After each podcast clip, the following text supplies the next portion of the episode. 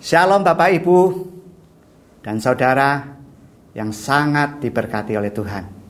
Mari pada kesempatan ini khususnya di bulan Desember ini kita merayakan Natal, kita mau merenungkan tentang Natal dan kita mau belajar seorang tokoh yaitu Paulus. Dan tema renungan kita saya kasih judul Paulus dan Natal. Mari kita mau baca 1 Timotius 1 ayatnya yang ke-15. Saya akan bacakan dalam versi firman Allah yang hidup. Demikian bunyi firman Tuhan. Betapa benarnya hal itu. Dan betapa aku ingin agar semua orang mengetahui bahwa Kristus Yesus datang ke dunia ini untuk menyelamatkan orang berdosa.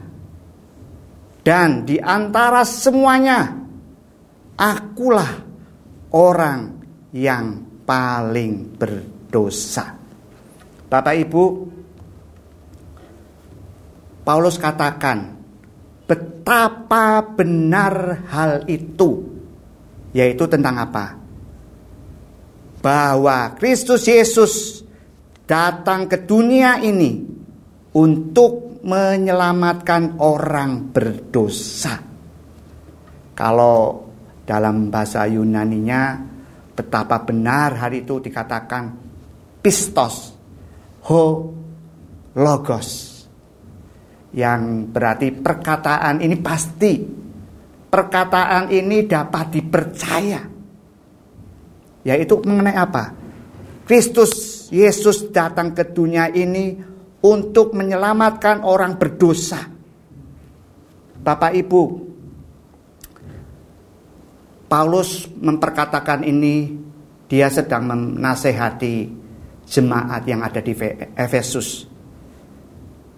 Di mana jemaat Efesus ini banyak beredar, banyak pengajaran-pengajaran yang diajarkan tidak sesuai dengan firman Tuhan. Ajaran-ajaran yang sesat mengenai keselamatan. Sehingga Paulus berkata, Pistos ho, ho logos. Betapa benar hal itu. Bahwa Kristus Yesus datang ke dunia ini untuk menyelamatkan orang berdosa. Bapak Ibu, kalau di bulan Desember ini, bulan Natal ini, kita mau merayakan kedatangan, kelahiran Yesus Kristus, Sang Juru Selamat ke dalam dunia. Bapak Ibu, kalau di jemaat Efesus beredar ajaran-ajaran sesat. Di zaman sekarang, di zaman akhir zaman ini, semakin banyak Bapak Ibu.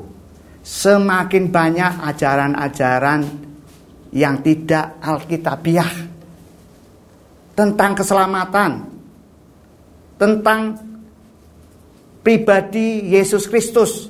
Ada yang mempersamakan pribadi yang lain, tetapi dia bukan juru selamat, dia bukan mengajarkan tentang untuk mengikut dia, percaya kepada dia karena dia telah mati tersalib untuk saudara dan saya. Biarlah ini menjadi pengingat kita sebagaimana Paulus berkata, hati-hati dengan ajaran sesat tersebut. Yuk kita mau baca di dalam Kolose 2 ayat 6 sampai 8. Demikian bunyi firman Tuhan kamu telah menerima Kristus Yesus, Tuhan kita. Karena itu hendaklah hidupmu tetap di dalam Dia. Hendaklah kamu berakar di dalam Dia dan dibangun di atas Dia. Hendaklah kamu bertambah teguh dalam iman yang telah diajarkan kepadamu, dan hendaklah hatimu melimpah dengan syukur. Ini nasihat Tuhan. Mari kita mau berakar di dalam Dia. Semakin teguh iman kita hari-hari ini. Ajaran-ajaran sesat mulai ditebarkan iblis untuk menggoncangkan iman Kristen. Menggoncangkan iman anak-anak Tuhan. Biarlah di hari Natal ini kita mau datang kepada Tuhan. Tuhan, perbarui imanku, percayaku, jagai, jangan sampai aku tidak setia dengan firmanmu sehingga aku dapat tergoyahkan oleh ajaran-ajaran yang bukan sesuai dengan firmanmu. Ini nasihat Paulus yang pertama tentang ajaran sesat. Dan tadi Paulus katakan kalau dalam versi firman Allah yang hidup betapa aku ingin agar semua orang yang mengetahui bahwa Kristus Yesus datang ke dunia ini untuk menyelamatkan orang berdosa. Bapak Ibu, pesan Paulus yang pertama tadi untuk berhati-hati tentang teologia tentang Kristus Yesus. Banyak ajaran-ajaran sesat. Di Natal ini kita mau kembali pada iman yang benar. Kita mau setia ikut Kristus. Dan yang kedua, betapa aku ingin agar semua orang mengetahui bahwa Kristus Yesus datang ke dunia ini untuk menyelamatkan orang berdosa. Ini nasihat Paulus tentang kedatangan Yesus. Dia ingin semua orang mengetahui ini persis yang disampaikan oleh malaikat Tuhan ketika dia menjumpai para gembala. Yuk kita baca di Lukas 2 ayat 8 sampai 11. Demikian bunyi firman Tuhan. Di daerah itu ada gembala-gembala yang tinggal di padang menjaga kawanan ternak mereka pada waktu malam. Tiba-tiba berdirilah seorang malaikat Tuhan di dekat mereka dan kemuliaan Tuhan bersinar meliputi mereka dan mereka sangat ketakutan. Lalu kata malaikat itu kepada mereka, "Jangan takut, sebab sesungguhnya aku memberitakan kepadamu kesukaan besar untuk seluruh bangsa." Untuk seluruh bangsa. Ayat 11. Hari ini telah lahir bagimu juru selamat yaitu Kristus Tuhan di kota Daud. Kesukaan besar untuk seluruh bangsa. Ini berita Natal yaitu kesukaan besar yang harus didengar harus semua bangsa mengerti, mendengar informasinya tentang kedatangan Yesus Kristus sebagai juru selamat dunia. Biarlah kesukaan besar Natal ini, kabar sukacita tentang Yesus Kristus, Sang Juru Selamat dunia, jangan disimpan untuk kita pribadi. Mari kita wartakan kesukaan besar Natal ini bagi relasimu, bagi saudara-saudaramu, bagi teman-temanmu, bagi semua orang. Kita doakan biar mereka juga terwahyukan tentang arti Natal. Pribadi Kristus, kenapa dia datang ke dalam dunia. Mari kita wartakan, kita doakan saudara-saudara kita yang belum mengenal akan Tuhan. Haleluya. Kita lanjut Paulus berkata, "Betapa benar hal itu dan betapa aku ingin agar semua orang mengetahui bahwa Kristus Yesus datang ke dunia ini untuk menyelamatkan orang berdosa.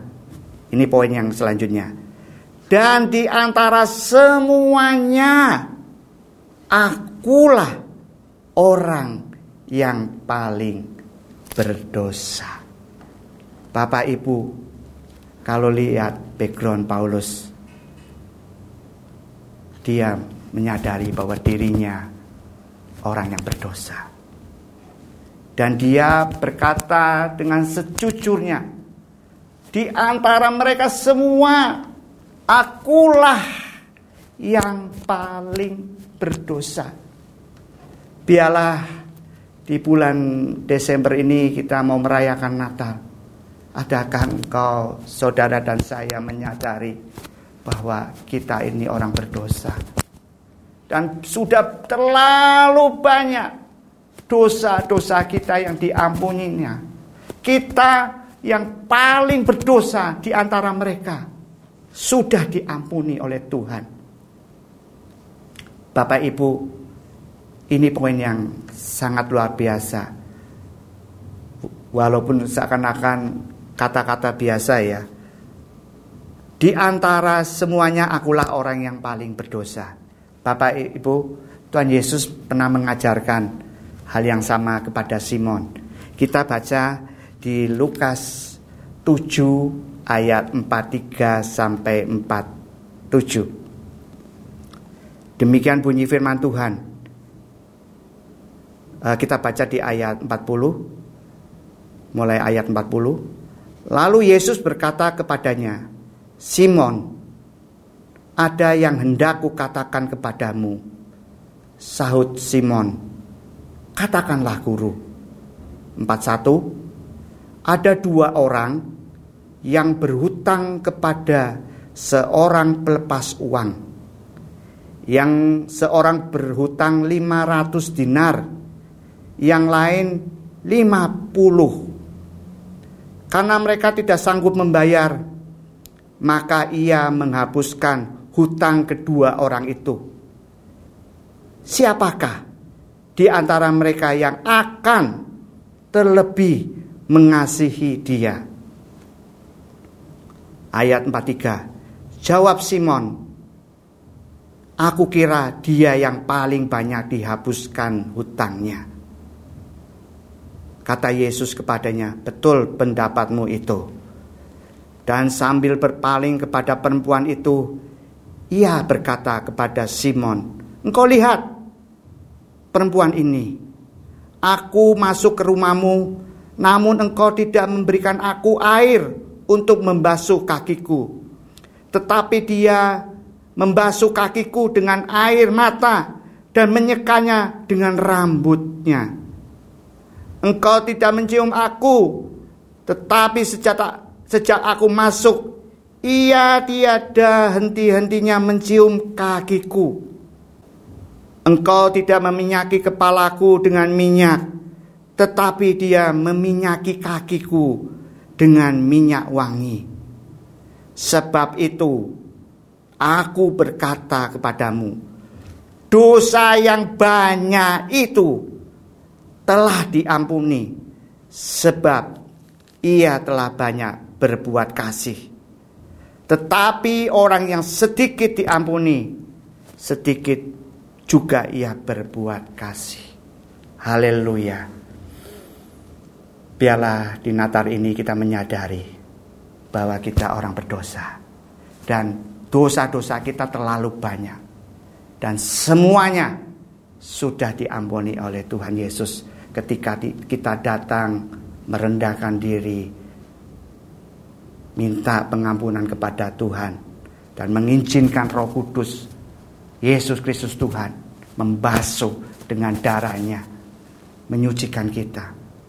Dosa yang banyak yang kita lakukan telah diampuni. Biarlah ini firman Tuhan di ayat 47 ini menjadi perenungan kita. Sebab itu aku berkata kepadamu, Dosa yang banyak itu telah diampuni sebab ia telah banyak berbuat kasih. Mari kita mau berbuat banyak kasih karena dosa kita yang banyak sudah diampuni. Haleluya. Mari sambut Natal dengan suka dengan sukacita dan kita mau mengasihi lebih lagi. Haleluya. Tuhan Yesus memberkati. Amin.